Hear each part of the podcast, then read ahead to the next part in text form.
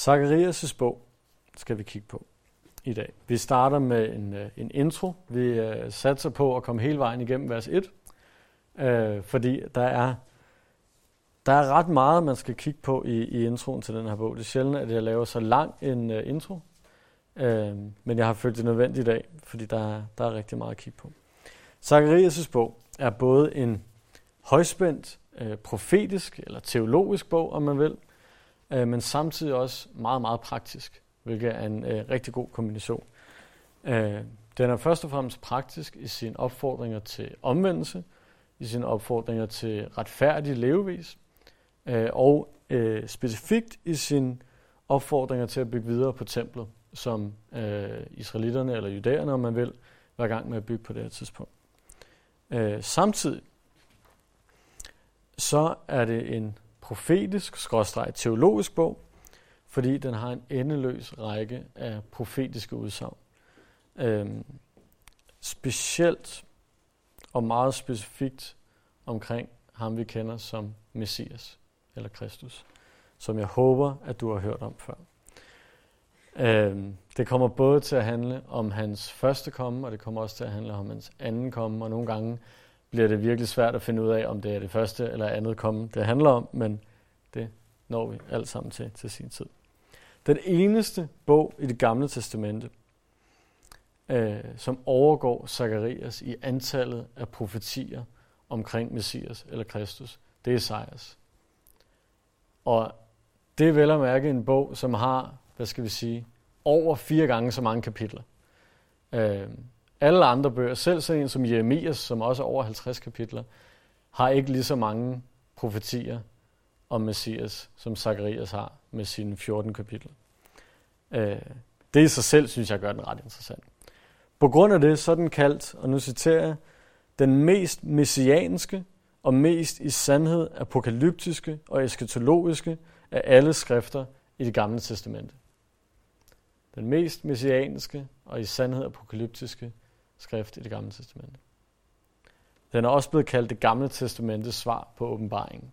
Og nu sagde jeg i min indledning, at den kan til tider også være ret svær at forstå. Det går måske meget godt i spænd med at være det gamle testamentes svar på åbenbaringen. Øh, men det er primært på grund af de mange forudsigelser om fremtiden, den kommer med. Det er ikke fordi, den er svær at forstå, at den er sammenlignet med åbenbaringen. Det kommer vi også til at se på løbende, i og med at øh, nærmest hver eneste kapitel, øh, i hvert fald i anden halvdel af bogen, er øh, citeret øh, eller hentydet til i en eller anden form i åbenbaringen. Så de har meget med hinanden at gøre, de to bøger. Det kommer vi til at se på, når vi kommer ind i det. Zacharias formår med den her blanding af, af, af praktisk og, og teologi eller profeti, og at blande de vigtigste ting i vores kristne liv. Nemlig akkurat det. Teologi og praksis. Det vi tror på, og det vi gør. Det vi ved omkring Gud, og måden vi lever på, baseret på det vi ved omkring Gud. Det, det bliver ikke meget større i, i vores hverdagsliv med Jesus. Og akkurat det kommer også til at afspejle sig i to nøgleord, som går igen gennem hele bogen, som vi vil starte med at kigge på her nu. Øhm, det første udtryk, eller det første ord, er Herrens dag. Øh, et udtryk, som vi har set på rigtig, rigtig mange gange. Nu glemte jeg lige at få dem der med. Den får jeg lige hurtigt. Der kommer den i stedet for. Herrens dag er et udtryk, som vi har stiftet bekendtskab med før, især i Jol og i Sefanias, hvor det nærmest ikke handler om noget som helst andet. Øhm, og det kommer også til at handle om andet i Zacharias' bog, men det er et udtryk, der er brugt igen og igen og igen i den her bog. Øhm, udtrykket er, som I kan se herom, omtalt på mange forskellige måder i, i Bibelen. Det er blandt andet nævnt som den dag, eller dagen, eller Kristi dag, og det kan derfor være sådan lidt svært nogle gange at vide, er der tale om det her udtryk Herrens dag, eller er der tale om øh, en eller anden dag, som også er en dag. Det kan være svært, hvis der bare står dagen, eller den dag. Det er kun kontekst, der fortæller det.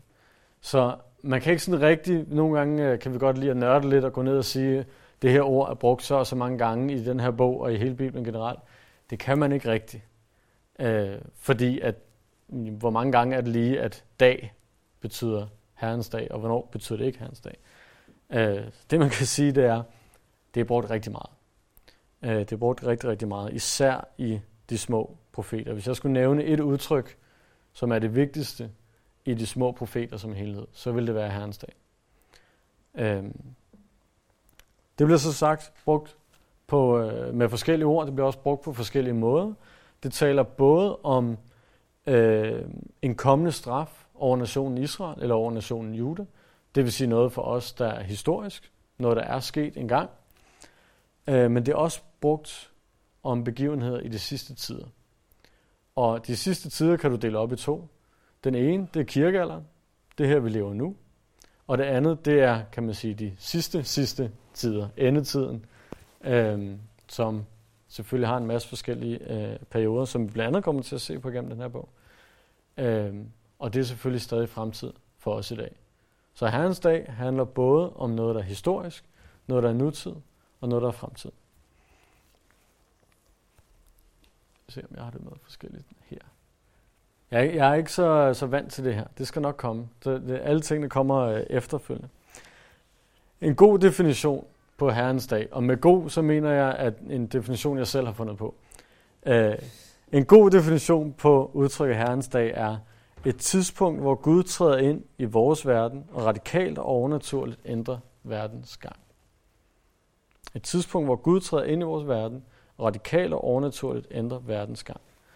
Det betyder, at det ikke bare at øh, David står og skal slås mod Goliat, og Gud er med ham og sørger for, at stenen rammer det rigtige sted, så, så David han vinder. Eller at øh, Paulus står på sin missionsrejse, og han er ved at rejse det ene sted hen, eller skal han rejse det andet sted hen, og så kommer Gud og taler til ham, at han skal rejse det her sted hen. Det, det er ikke Herrens dag. Det er ikke overnaturligt. Det er ikke radikalt. Det er, hvordan Gud nu engang handler i vores liv. Øhm, men det er et tidspunkt, hvor Gud han træder ind og viser, hvor mægtig han er over hele vores verden. Øh, det, det er et tidspunkt, hvor han, han ændrer på tingenes tilstand, som sagt radikalt. Vores allesammens øh, yndlingsprædikant David Gusick, han kalder det, i stedet for Herrens dag, så for at forklare det, så kalder han det Herrens tid. Mennesket har sin tid her på jorden. Satan har sin tid her på jorden. Han har den sågar lige nu. Og så er der Herrens tid, hvor Herren træder ind og siger, så slapper I lige af. Nu er det mig, der bestemmer. Det her det er min tid. Nu gør jeg noget radikalt. Det er det, Herrens dag er. Øh, og det er, som sagt, både fortid, nutid og fremtid. At Herren går ind og siger, nu gør vi det på min måde.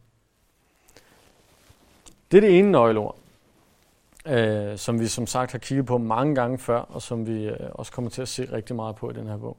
Det andet nøgleord, det er for mig i hvert fald den her omgang noget mere interessant. Øh, ikke fordi jeg synes, Herrens dag er kedeligt, men fordi jeg aldrig før for alvor har værdsat det her udtryk, vi skal se på. Det er nemlig, den kom lige der, herskers herre. Udtrykket herskers herre, som jeg også skyder på, I har hørt en gang eller to før. For det går også igen igennem hele Bibelen. Øhm, men alligevel, så er det for mig personligt noget, jeg aldrig har, har lagt så meget vægt på. Hvad, hvad er det lige, det betyder, herskers herre? Jeg tænkte, jamen, det, er jo, det er jo bare et andet navn for Gud. Det er jo fint nok. Men studiet af Zacharias har vist mig nogle lidt dybere ting omkring det her udtryk, som jeg håber, at I vil have lige så meget glæde af, øh, som jeg har haft. Det er lidt nemmere at tælle, end øh, Herrens dag er. Det er brugt 63 gange i Zacharias' bog. Og nu nævnte jeg før, at der er 14 kapitler, det vil sige, at det er cirka 3,5 gang per kapitel. Og hvis I kigger ned i, øh, i jeres åbne bibler, i Zacharias' bog, så kan I også se, at det er ikke nogen sindssygt lange kapitler. De er heller ikke øh, korte, men de er heller ikke lange. Så at herskers herre, et af Guds mange navne, er brugt 3,5 gang per kapitel. Det er ret meget. Øhm, det er i hele Bibelen, så er det det sammenfattede navn, som bliver brugt mest omkring Gud. Og med sammenfattet navn, så mener jeg et navn, der er sammensat af flere ord. Herskers herre. Det vil sige, Jesus det er brugt flere gange. Jave er brugt flere gange, osv. osv. Men et navn, der er sammensat af to forskellige ord, så er det det, der bliver brugt allermest omkring Gud. Så når, når Gud han prøver at beskrive sig selv igennem et navn, prøver at vise noget om sig selv, så er det det her, han bruger allermest. Lad os se lidt på ordene. Og i, i, øh, i den sammenhæng også se på, hvorfor det er brugt så hyppigt i Zacharias. Jave, eller Jave, Sabaoth. Det er ordene. Og øh, hvis man nørder lidt hebraisk, så er det det ude til højre. Øhm, Jave, Sabo, Det er ikke at forveksle med sabbat, selvom det godt kunne ligne det. De har intet med hinanden at gøre, de to ord. Øh, det er primært på, øh, på dansk eller på engelsk, at det ligner hinanden. Det er nogle helt andre bogstaver på hebraisk. På hebraisk øh, er det, som I kan se her, Sabaoth, herfra og hertil, eller Saba, som er, er originalformen. Det betyder her, eller herskere, eller en meget stor forsamling. En meget stor forsamling. For det meste en forsamling af krigere eller soldater. Så det, det kan godt bare betyde en stor forsamling af mennesker, som øh, den vi er her i aften. Øh, og det, det, men det, for det meste så taler det om, om krigere eller soldater. Øh, det er nærmest udelukkende oversat herskare i vores 1992 oversættelse. Øhm, I kender udtrykket en stor skare af mennesker. Øh, og og det, det er den betydning, at man, man kan stå og kigge ud over en stor mængde af mennesker, eller som sagt øh, krigere. Så det er det, Sabaoth dækker over. En meget stor forsamling, formentlig, eller som oftest, en hær. Når der så står herskares herre, det er ikke herskeren, vi har fokus på. Det er trods alt Gud. Når der står det, så kan det hensyde til flere forskellige ting. Det kan hensyde til, at Gud han er herre over den øh, styrke, der nu engang er i Israel på øh, et givet tidspunkt. Den her, der nu engang findes. Det kan også hensyde til, at han er herre over den himmelske skare, altså engle, øh, hvad kalder vi dem, serafim, øh, keruber videre, det er dem, vi kender i hvert fald. Og det kan også betyde den himmelske skare i form af solen, månen og stjernerne, som jo også må siges at være en stor skare, ikke nødvendigvis af en her, men som sagt, det er en stor skare af himmellegemer øh, og ikke mennesker. Alle de her ting er under Guds kontrol. Lige fra det store, fuldstændig umulige at tælle, himmelunivers og alle de, de himmellegemer, der nu engang er der, til Israels individuelle krigere, der står i en her. Alt sammen er det under Guds kontrol. Alt sammen hører det under ham. Alt sammen er det noget, han hersker over. Når, øh, når man et par hundrede år før Jesus oversatte det gamle testamente til græsk, øh, så oversatte man det her udtryk til kurios pantokrater, hvis jeg ellers udtaler det korrekt. Kurios betyder herre, øh, og pantokrater betyder almægtig. Herren almægtig, fordi det dækker over det faktum, at Gud han er almægtig over både de store ting og de små ting i den her verden. Den første gang udtrykket er brugt i Bibelen, ikke i Zacharias' bog, men i Bibelen generelt, der skal vi helt frem til 1. Samuels bog, kapitel 17. 1. Samuels bog, kapitel 17, hvor David møder Goliat. Øh, nok en af de mest kendte, måske efter Noah, så er nok en af de mest kendte historier i børnekirken. David mod Goliat. David mod Goliat. Øhm, en situation, hvor Israel er trængt op i en krog. De står over for de her filister, og de står over for Goliat, som er meget, meget skræmmende, og Israel har brug for en held. Og vi kender alle sammen helten. David træder frem på scenen. Men det er ikke ham, der er helten. Det er ikke David, der er helten i den historie. For han siger i vers 45 af 1. Samuel 17 til Goliat, du kommer mod mig med svær og spyd og krumsvær. Men jeg kommer mod dig i herskers herres navn, Israels slagrækkes Gud, som du har hånet. Herskers herres navn. Det er Gud, der er helten i den her historie. Det er ham, der skaffer sejr over Golian og over Filisterne. Og det er akkurat det, som herskeres herre er. Ham, der skaffer sejren. Ham, der kæmper for Israel, når de har brug for det. Og det fortæller os også lidt om, både hvorfor udtrykket er brugt så meget i Bibelen, men også især, hvorfor det er brugt så meget i Zacharias' bog. For er det ikke det, vi har brug for? Er det ikke en Gud, der kæmper kampen for os, som vi har brug for? Er, er det ikke det, Israel har brug for i 94 procent af tiden i det gamle testamente? En, der kæmper for os. Udover den her første gang, hvor det er brugt, så er der som sagt rigtig, rigtig mange vers, der bruger det. Men der, jeg har samlet et par øh, konkrete eksempler på nogle ekstremt spændende vers, øh, der bruger udtrykket herskars her. Det første det er Amos 4.13. I behøver ikke slå op. I må gerne, hvis I har lyst. Men i Amos 4.13 der står, For se, han som dannede bjergene og skabte vinden, og som kan fortælle et menneske, hvad det tænker. Han som gør morgenrød til mørke, og som går hen over jordens høje. Hans navn er Jave, herskers Gud. Så ham, som dannede bjergene og skabte vinden, det taler om skabelsen. Ham, som kan fortælle et menneske, hvad det tænker, Tal om hans nærhed til os. Ham, som gør morgenrøde til mørke, taler igen om hans almægtighed, og som går hen over jordens høje, hans tilstedeværelse her på jorden. Hans navn er Jave, herskers Gud.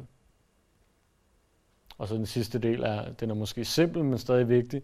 Jave er sat lige med herskers Gud. Det er Jave, Herren, som vi kender ham, der er tale om. I Esajas kapitel 6, vers 3, der står, de råbte til hinanden, Hellig, hellig, hellig er herskers herre. Hele jorden er fuld af hans herlighed. Så herskers herre, det taler også om den Gud, som er hellig, hellig, hellig, og som fylder jorden med sin herlighed. Ham, som al ære tilhører. Når man så finder ud af, finde ud af de her ting omkring herskers herre, lidt om hvem han er, og i hvilken sammenhæng ordet er brugt, så faldt jeg over, hvor interessant det er at se, hvem det er, der gemmer sig bag det her udtryk. Det er nemt at sige, om det er Jave, det er Gud. Fedt nok. Men Gud han er tre, selvom han er en. Og i Esajas kapitel 44, vers 6, der står det her. Dette siger Herren, Israels konge, han som løskøber det. Herskars herre. Jeg er den første, og jeg er den sidste. Der er ingen anden Gud end mig. Første og sidste. Lyder det bekendt? Hvem er den første og den sidste? I åbenbaringen 22.13 står der, jeg er alfa og omega, den første og den sidste, begyndelsen og enden. Det er det samme udtryk, der er brugt om herskers herre og omkring Jesus i åbenbaringen i det nye testamente. Der står i øvrigt også i Isaias 44.6, Israels konge, han som løskøber det. Hvem er det, der løskøber sit folk? Det er Jesus. Der er faktisk nogen, der vil gå så langt som til at sige, at hver gang, at der står herskers herre i det gamle testamente, så taler det specifikt om Jesus. Ikke bare om Gud i sin helhed, men specifikt om Jesus. Guds søn, den anden person i træenheden. Jeg skal gerne indrømme, jeg har ikke lige været igennem og slået alle gange op, hvor der står herskers her. Det er ret mange, kan jeg fortælle. Jeg har ikke været dem alle sammen igen. Men de her ting passer utrolig godt på Jesus. Og vi kunne sagtens gå videre. Vi kunne kigge på salme 24, som øh, næsten misbruger udtrykket herskers herre lige så meget som Zacharias gør, som også taler om Jesus. Vi kan også kigge på Josva kapitel 5, hvor Herrens engel fremstår som Guds herrefører, eller som Israels herrefører, hvor at i hvert fald langt de fleste øh, bibelkommentatorer, som jeg øh, anser mig selv som enig med, mener, at det er Jesus, der er Herrens engel i, øh, i det kapitel i hvert fald. Vi kunne sammen, sagtens gennemgå alt det. Vi kunne også bare slå op i Zakarias kapitel 14, hvis jeg har lyst til at slå op sammen med mig. Zakarias kapitel 14, vers 16. Noget af det sidste i den her bog. Hvor der står, men alle, der er tilbage af de folkeslag, der rykker imod Israel, skal drage dig op år efter år og tilbede kongen, herskers herre, og fejre løvhyttefesten. Det her, det taler om tusindårsriget. Det taler om, øh, når en vis Jesus er kommet tilbage. Og så står der, at de skal tilbede kongen, herskers herre. Hvem plejer vi at tænke er kongen i tusindårsriget? Jesus. Jeg vil ikke lægge hovedet på blokken og sige, at det, det nødvendigvis er hver gang. Men det virker som om, at der i det gamle testamente ret ofte er en sammenhæng mellem herskers herre og personen Jesus. Guds søn, før han blev Jesus, før han tog bolig blandt os.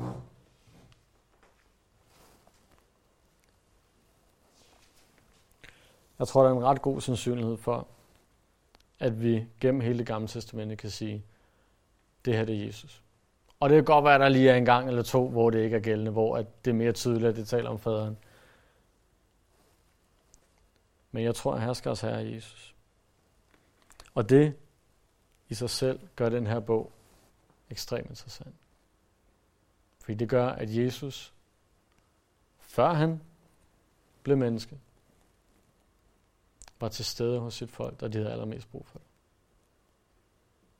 Det gør, at han vandrede blandt dem.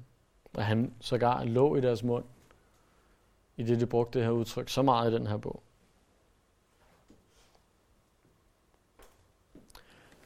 Og det er noget af det, nu har vi kigget på det teologiske, det er noget af det, der gør den her bog også rigtig, rigtig praktisk.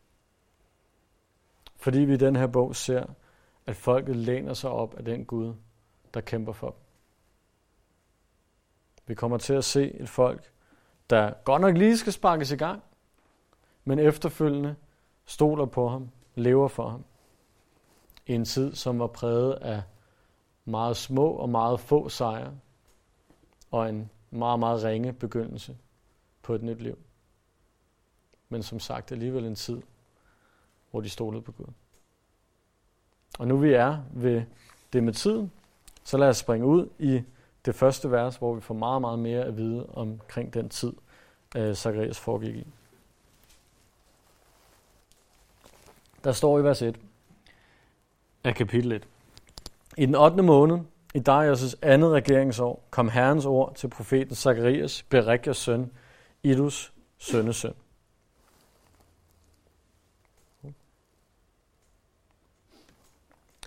Det første, vi lægger mærke til, når vi læser det her vers, det er den tid, Zakarias han befinder sig i. Bogen starter i den 8. måned, står der, i Darius' andet regeringsår. Darius han var konge i det, der hedder det medo-persiske imperium. Uh, lidt ligesom at vi i dag, vi kan kigge over på, øh, på Trump og på øh, USA. Vi kan også lidt måske kigge på Putin og på Rusland, og vi kan sige, der, der findes nogle supermagter i verden i dag. Det var mere tydeligt op gennem uh, de sidste århundrede med Tyskland og med USA og med Rusland på skift. Men vi kender godt udtrykket, man siger en, en supermagt eller en verdensmagt øh, et vist land eller rige, der, der har den position. Og det samme kan vi gå tilbage i tiden og se på Bibels tid, hvad der var af supermagter. Og jeg har lavet sådan en smart lille oversigt, øh, som den kan man godt læse dernede fra. Ikke? Jo. Den første supermagt, vi ser i bibelsk historie, det er Ægypten. Det er helt tilbage til Moses. Øh, som jo er tydeligt, når vi læser både slutningen af første Mosebog, men især også øh, anden Mosebog om Moses liv, det er tydeligt, at det er Ægypten, der er supermagten i verden. Senere så bliver Israel en stormagt. Jeg ved ikke helt, om man kan sige, at de var en supermagt, men de var i hvert fald en stormagt under David og Salomo, øh, omkring øh, 500 år efter øh, Moses. Herefter, så begynder det virkelig at gå hurtigt. Assyrien kommer på scenen. Øh, kort tid efter Salomo øh, er konge i Israel. Øh, og de bliver verdens supermagt. Og det er de helt frem til, at babylonerne kommer på scenen. Fordi i 612 før Kristus, der tæver babylonerne af syrene. Og så overtager de ligesom. De er så supermagt, indtil at de bliver indtaget af kong Kyros fra Medopersien i 539 før Kristus. Medopersien er så supermagt. Og det er det helt frem til Alexander den Store fra Grækenland, som, man, som alle går ud fra og har hørt meget, meget om. Han kommer i 336 før Kristus. Og så er ikke Alexander den Store, men så er Grækenland, eller øh, de hellenistiske øh, nationer, de er så stormagten eller supermagten i verden. Og det er de indtil lige omkring århundrede før Kristus, hvor de sådan langsomt, stille og roligt, ikke ved sådan et stort slag, som med mange af de andre, men langsomt begynder deres magter at erodere, og romeriet tager over omkring 100 før Kristus. Og det er så den sidste supermagt i, i bibelsk øh, tid. Øh, ikke i Bibelen, fordi Bibelen taler om helt frem til der, hvor Israel igen vil være supermagt i de sidste tider. Men i et historisk perspektiv, der slutter vi med romeriet, som selvfølgelig er her, hvor Jesus bliver født, lever, dør og genopstår. I det, at Israel på det tidspunkt er besat af romerne. Ham her, Darius, som er nævnt i Zacharias, han var konge i Medo-Persien. Det, der var supermagten på det her tidspunkt. Han blev konge efter, otte år efter øh, kong Kyros, som jeg lige har nævnt før. Det var ham, der fik Medo-Persien frem. Han dør så kort efter. Ærgerligt, han ikke når at nyde særlig meget af sit otium, efter han ligesom har Europa og verden. Øhm, men så kommer Darius og bliver konge. Det var, øh, det var kong Kyros, som mange af jer kender, uden at vide det. Det var ham, der i Daniels bog indtager Babylon. Der, hvor at, øh, der kommer en hånd og skriver på væggen. Og Daniel kommer op og tolker de her ord øh, for Babylonien. Og de får så at vide, at jeres dage er talt, for kong Kyros er på vej. Det er kong Kyros. Øhm, ham her, Darius, han får kæmpe betydning. Kæmpe betydning for Israel. Fordi ikke særlig lang tid efter, at kong Kyros, han har indtaget Babylon, så giver han israelitterne lov til noget helt, helt, helt specielt. De får lov til at tage tilbage. Og i og med, at kong Kyros ikke lever så længe efter det, der er noget øh, familiefight og noget forskelligt. Der går nogle år, hvor der er lidt tvivl om magten. Det ender med, at det er ham her Darius, der kommer ud ovenpå. Så gør det, at Darius, han er kongen, kongen over verden næsten, på det tidspunkt, hvor Israel er en spæd nation igen. Og derfor er han vigtig for bibelsk historie, for Israels historie. Øhm, det her med, at Israel får lov til at tage tilbage, det er nævnt i Esras bog, hvor Darius selvfølgelig også er nævnt. Øhm, for at gøre det rigtig nemt, så er kong Kyros i Dalens bog omtalt med navnet Darius. Fordi når I læser historien i Dalens bog om, at Babylon blev indtaget, så står der, at det er Darius, der indtager Og det er kong Kyros. Det er ikke den her Darius. Skal vi, skal vi gøre det bedre? Ham her er kaldt kong, kong Darius den første, selvom han kommer efter ham der. Det giver rigtig god mening. Ikke? Sådan er antikkens historie nogle gange fuldstændig vanvittigt. Øhm, så der er to i Bibelen, der er nævnt som Darius. Der er nogen, der mener, at det ikke så meget var et navn som en titel. For eksempel Faro øh, er også en titel, men det bliver, nogle gange så kalder man bare personen Faro. Så der er nogen, der mener, uden at vi er helt sikre på det, at det her Darius, det var mere en titel, end det var et decideret navn. Det kan godt være, det er det der er forklaringen på, at, at der er så mange, der hedder det, samtidig med, at de hedder noget andet. Øh, det, er i hvert fald, det kan i hvert fald forklare, øh, hvorfor der er den her øh, øh, forvirring omkring det. Nå, alt det her, jeg lige har sagt om kong Darius og kong Kyros den Store osv., lyder det på nogen som helst måde bekendt?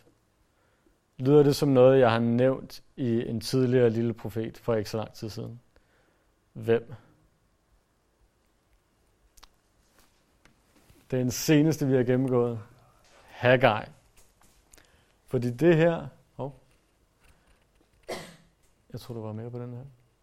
Det her er akkurat samtidig med Haggai. Prøv en gang at gå bare en enkelt side tilbage i jeres Bibel. I Haggais bog, kapitel 1, vers 1, står der, i kong Darius' andet regeringsår på den første dag i den 6. måned. Og i Zakarias stod der i den 8. måned i Darius' andet regeringsår. Det kan næsten ikke blive mere samtidig med Haggai det her. Den 6. måned og den 8. måned. Øhm, de er akkurat samtidig. De har helt sikkert kendt hinanden, for landet var ikke særlig stort på det tidspunkt. Så måden det fungerer på er i den 6. måned, øh, det vil sige august. Nej, det giver ikke nogen mening, men den jødiske kalender på det tidspunkt var anderledes, end hvad vores kalender er i dag. Så det svarer til cirka august måned, i år 520 før Kristus. Der kommer Haggai på scenen. Og så to, måned, to tre måneder senere, i november, der kommer øh, Zacharias på scenen. Og der går ikke særlig længe efter det her, så er Haggai færdig. Ikke nødvendigvis øh, død, borte begravet, men færdig med sin tjeneste. Det er derfor, Haggais bog kun er to kapitler. Han havde ikke en særlig lang tjeneste. Men Zacharias, han bliver ved. Han starter, som sagt, i den 8. måned, 520, øh, og han slutter den 24. dag, undskyld, det er Haggai, han slutter den 24. dag i den 9. måned. Zacharias, han fortsætter i hvert fald til den 9. måned i Darius' fjerde regeringsår. Det vil sige 518 før Kristus. Så de starter lidt med at overlappe. Zacharias han bliver ved. Det, der så bliver interessant senere hen, det er, at det, der står i kapitel 8 og kapitel 9 af Zacharias, gør, at han muligvis fortsætter helt til 470 øh, før Kristus. Hov, det var det, der stod deroppe. Han fortsætter helt til 470 før Kristus. Måske. Øh, så en rigtig interessant ting, synes jeg, at Gud han sender to profeter samtidig. Den ene er måske lidt tykkere end den anden, den anden er måske lidt højere end den anden, det er ikke til at vide. Men faktum er, at den ene bliver brugt i et par måneder. Den anden bliver muligvis brugt i 50 år.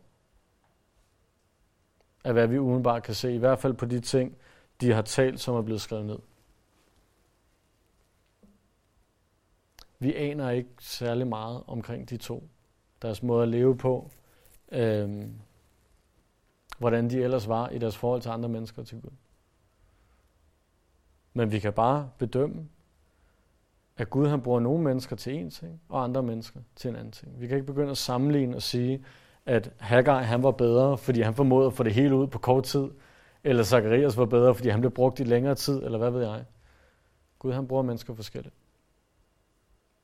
Og han brugte begge de her to mægtigt, men forskelligt. Zacharias han rider ligesom videre på det Haggai han starter. Øhm, og det jeg har skrevet ned på den næste her, det er, at Haggai han bliver brugt til at starte vækkelsen. Zacharias bliver brugt til at holde den liv. Hvem kan sætte op, hvilken del, der er vigtigst? Hvem kan sammenligne og sige, at den ene er bedre end den anden? Som Paulus skriver det. Der er en, der vander, der er en, der sår, der er en, der høster. Gud han brugte dem begge to mægtigt. Og det, det, der kan være sådan lidt interessant, det er, at Haggai's bog, som vi, vi netop har gennemgået for nylig, det er en bog, hvor Haggai's budskab er, søg først Guds rige og hans retfærdighed og så skal alt det andet gives jer tilgift. Og det er interessant, fordi at, at Haggai, han får folket til at søge Gud. Han får folket omvendt mod Herren.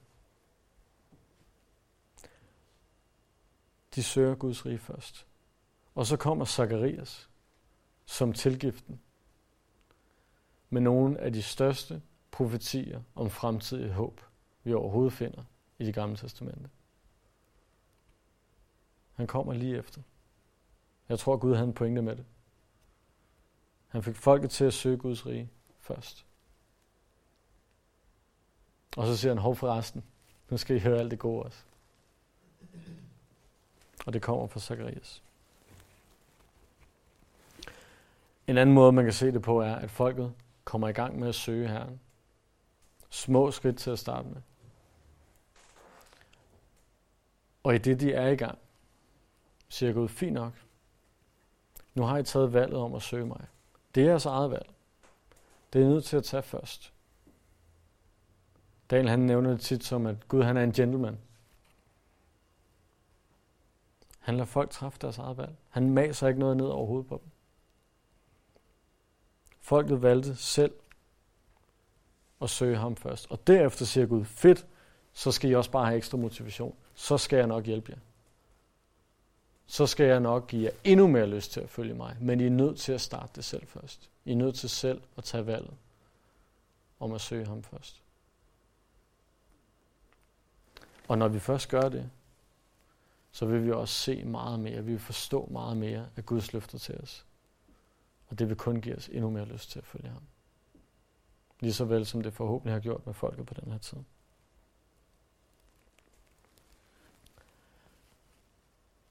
Det kommer vi til om lidt. Så andre profeter på Zacharias' tid er selvfølgelig Haggai. De hænger uløseligt sammen. Andre bøger på den her tid er som nævnt Esther. Og undskyld, Esra, ikke Esther. Esra. Det er akkurat samtidig. Hvis man virkelig, det sagde jeg også ved Haggai's bog, hvis man virkelig vil forstå en af de her tre bøger, så er det også vigtigt at læse de to andre. Øh, så det er lidt lektier for til næste gang. Øh, Daniel, som I øh, næsten kunne gætte, han var kort tid inden. Han var nemlig der, der kom Kyros. Han kommer og invaderede Babylon. Andre vigtige personer er Esther og Nehemias, som kommer noget tid efter Zacharias. Men nogenlunde samtidig, hvis vi ser på det store billede. I en anden historisk kontekst, det ved jeg ikke, om I synes er spændende, det synes jeg i hvert fald, det var, Buddha og Konfutse, også kaldet Konfucius, er samtidig med Zacharias, hvis man vil have lidt historisk kontekst. Uh, Buddha kender I nok bedst som uh, grundlæggeren af buddhismen. Han levede fra 550 til 480, så som sagt akkurat samtidig med øh, Zacharias, hvis man kigger på årstallene længere oppe. Uh, Konfutse levede fra 551 til 479, så akkurat samtidig med Buddha. Han er nok mest kendt for sætningen, gør ikke ved andre, hvad du ønsker gjort mod dig selv. Gør ikke mod andre, hvad du ikke ønsker gjort mod dig selv. Det vil sige, den negative negation af, hvad Jesus siger. Alt, hvad I vil, at mennesker skal gøre mod jer, det skal I også gøre mod dem. Også kendt som den gyldne regel. Matthæus 7:12.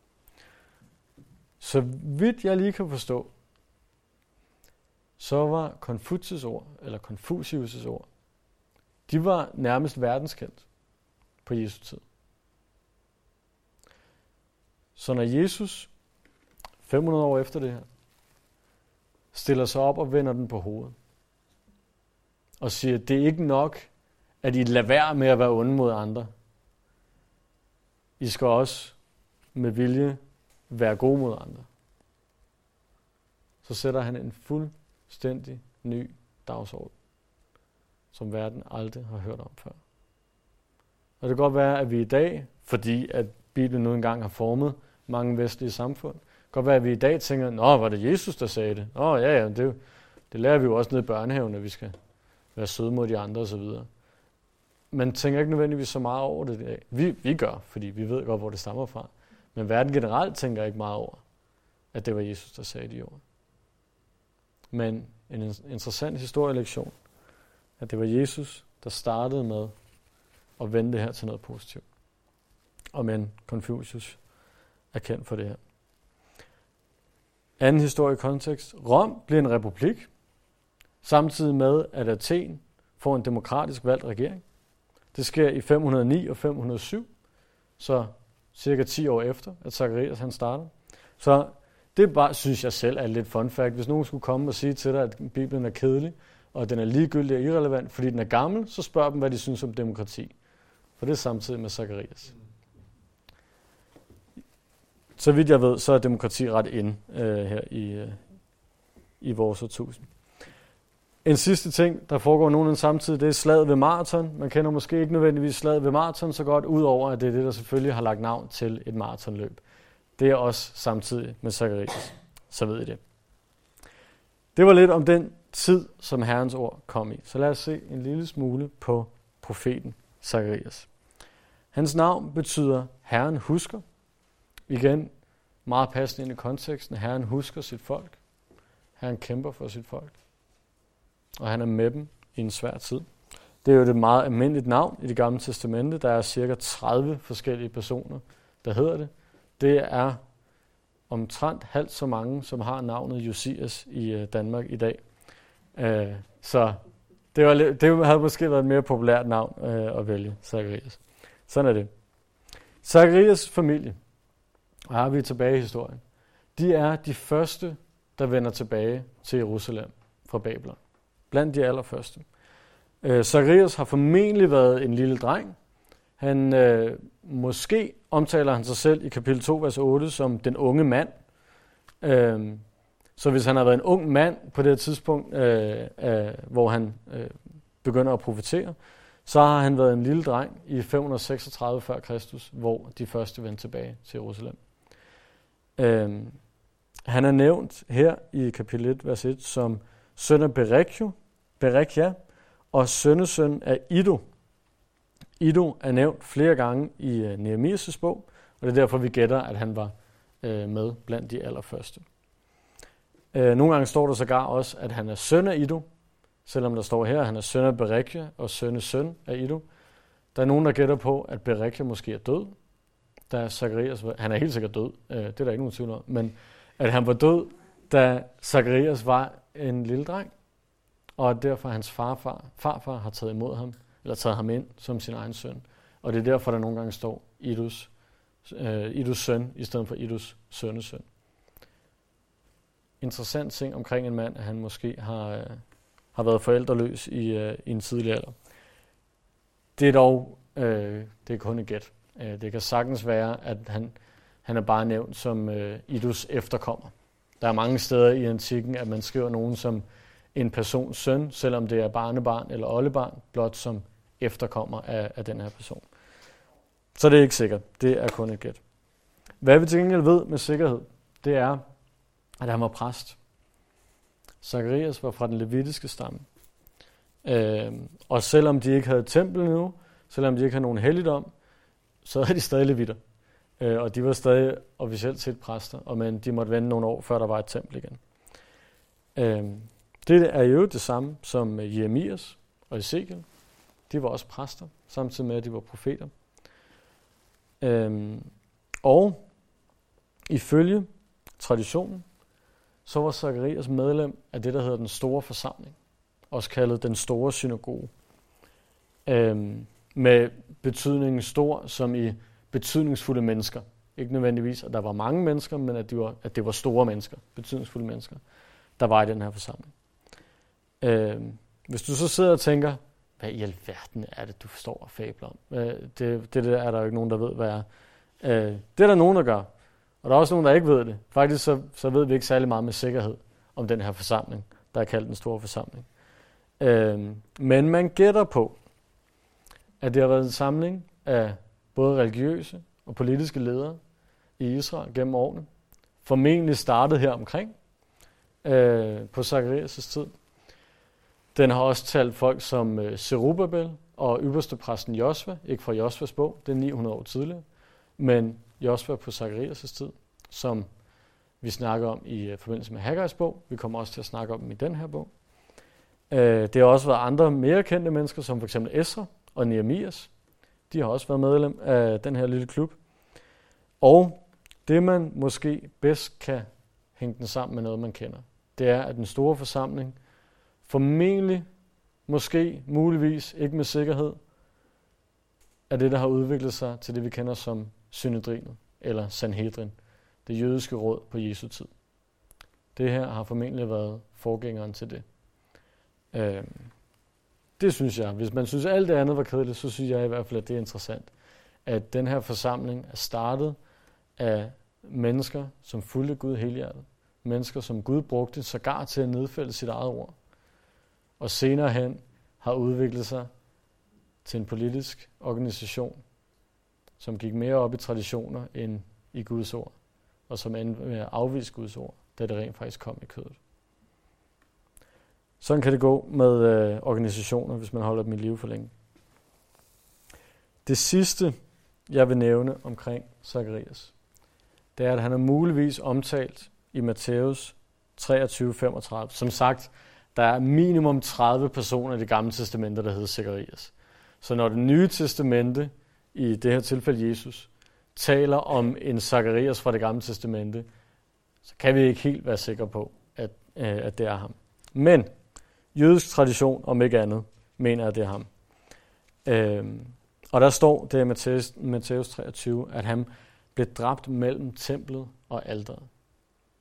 Så hvis det er den samme Zacharias, så har han endt sine dage på nogenlunde samme måde, som nærmest alle andre af Guds profeter. Han har været populær. Han har været taget imod. Folk har anset ham som værende en profet. Og så på et tidspunkt er de blevet træt af ham. Fordi hvem gider at høre på sådan en retfærdig sort seer, som lever ordentligt og taler Guds ord, men bare siger, at vi andre gør det forkert hele tiden. Måske er det sådan, han er ind sin dag. Øhm, I så fald, så bliver han et fantastisk billede på Jesus, som vi netop så på før. Han blev afvist af lederne i landet. Han blev afvist af dem, der skulle have taget imod ham. Og blev til sidst slået ihjel af dem, der burde have tilbedt ham. Sågar af nogen, der lige havde tilbedt ham et par dage. Og nu skulle Zacharias for alle i verden ikke tilbedes, men han skulle også have været taget imod. Han skulle som minimum have været æret bare en lille smule for at være Guds værktøj. Kun en lille smule. Men er muligvis blevet slået ihjel for sin tjeneste. For at gøre, hvad Gud kalder ham til. Og må det være den afsluttende pointe i aften. At vi ikke må være som jorden med enten klippegrund eller tisler, som starter med at tage imod Guds ord, men efterfølgende kasserer det, skubber det bort, fordi der var noget andet, der var bedre, eller det var rart at gøre noget tredje, eller hvad ved jeg. Men må vi være den gode jord, der tager imod Guds ord, som vi får det præsenteret her i Zacharias bog, og holder fast i det. Må vi være et folk, der kender Guds teologi, som studerer hans profeti, som giver os håb for fremtiden. Og må vi samtidig være nogen, der udlever det i praksis. Som lever efter, hvad vi tror på. Og sidst af alt må vi være et folk, der indser vores behov for en kaptajn, for en held, for en herskers herre, der kæmper for os. Og må vi leve for ham. Far, tak, at du er den held, vi har brug for. Jesus, tak, at, at du har vundet sejren, og at du er, er nær ved dit folk. Ja, du kunne snilt have valgt at, og, uh, bare betale boden og sige, fint, nu har jeg gjort mit, så kan I bare klare jer selv. Men her, du ønsker at være sådan her. Du ønsker at vandre med os dag for dag. Det priser vi dig for. Takker dig for. Og her må, øh, må vi, i det vi dykker dybere ned i Zacharias' bog de, de kommende måneder her, må vi komme tættere på dig. Må vi lære mere om, hvem du er, og hvordan du handler på dit folks vej. Vi priser dig, Jesus.